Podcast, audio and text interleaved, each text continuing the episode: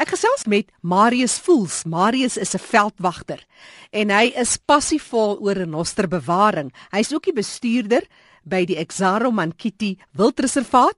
'n Inisiatief wat hy van stapel gestuur het, was juis om veldwagters te vereer vir hulle werk wat hulle doen. Vertel ons meer oor hierdie inisiatief, Marius, van hy begin daar. Die inisiatief kom eintlik van die buiteland af. Een meneer Dr. Larry Hansen doen al 15 jaar lank die tierbewaringstoekenning in Indië. En so 4 jaar gelede toe hy in die Kreer Wildtuin besoek afgebring het, het hy die behoefte ontwikkel om homself te doen vir 'n renosterbewaring in Suid-Afrika. So het hy by die veldwagtersvereniging van Afrika uitgekom en so by my uitgekom en ons het die projek van daar af geloods uh, met die spesifieke doel om mense erkenning te gee wat betrokke is by die beskerming van renosters op watter manier ook al het sy in die veld self of deur fondse saam of deur opvoeding maak nie saak nie. Het die organiseerders al met eier op die gesig gesit waar jy 'n toekenning gegee het aan 'n veldwagter wat later sou betrokke raak by byvoorbeeld stropery om koopgeld aanvaar het?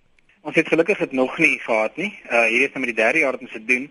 Ons het al uh nominasies gehad wat ons afgekeur het op grond van die persoon self, maar gelukkig nog nie direk by stroping betrokke gewees nie, maar dit was al by die goed wat rondom stroping gepaard gaan was mense wat betrokke gewees. Die kortlys van al die aansoeke word opgestel deur 'n paneel van 6 lede van die veldwagtervereniging wat almal veldwagters is of was en die bedryf baie goed ken en die mense in die bedryf ken. So daar is 'n mate van filtering voor die tyd.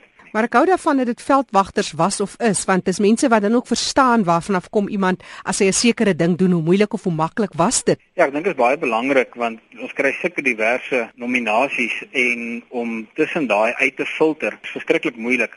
Maar omdat ons self nie bedryf staan, weet ons wat die insette was van mense in die noster bewaring.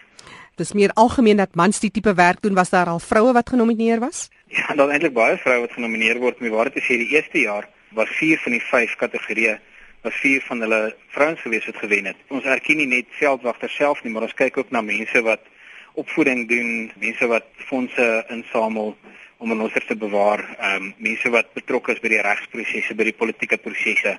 Dis die hele die hele omgewing van ons bewaring, nie net die ouens wat in die veld self is nie. As veldwagter self, jy het nou met baie diere te doen. Renosters maar een van die diere. Hoekom spesifiek renosters? Sou jy dit ook doen vir kewertjies? Wel, dis 'n baie goeie vraag en dit is 'n vraag waarmee ons maar baie worstel eintlik. Streng gesproke behoort mense dit vir enige enige dier te doen. Wat wat dit so belangrik maak met met renosters te doen is die feit dat saam met die renoster beskerm jy ook die renoster se habitat wat baie groot is.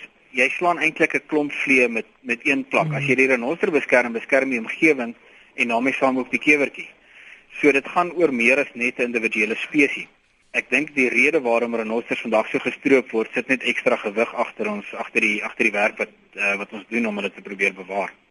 Die statistiek sê daar word ten minste 3 diere per dag iewers in die wêreld gestroop vir hulle horing.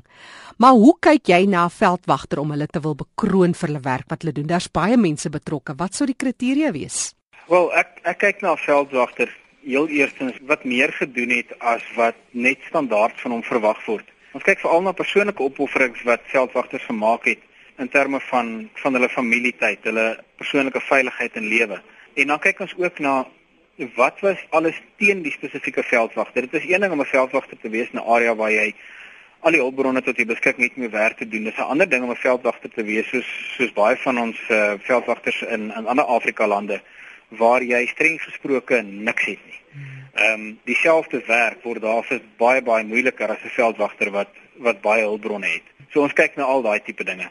Uh en ons kyk ook na na geskiedenis. Ehm um, hoe lank is hy al besig daarmee? Het hy het hy 'n 'n geskiedenis van daai tipe werk en dan ook wat sy toekomstige planne is. Het hy gaan hy maar net deur die normale rotine van dag tot dag of het hy idees en planne en en visies om om verder te gaan uh, met die nosterbewaring. En soos jy sê, dit spoel af na 'n groter ekosisteem, ander diere, ander spesies wat in die proses op bewaar word. Julle webtuiste waar mense bietjie kan oplees.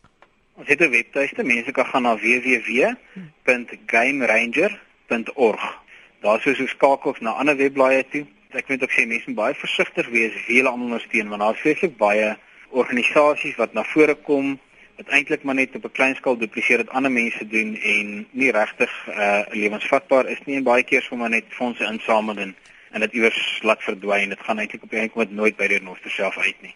So kyk maar ook op omgewingsake se webblad en kyk na uh organisasies wat wel ehm um, kredibiliteit het. En so gesels Marius Voels, hy is 'n veldwagter ook bestuurder by Exaro Mankiti Wildreservaat. Net weer hy webtuiste waar jy kan gaan oplees oor hulle aktiwiteite en hierdie toekenning wat gegee word aan veldwagters. Die webtuiste is www.gameranger.org.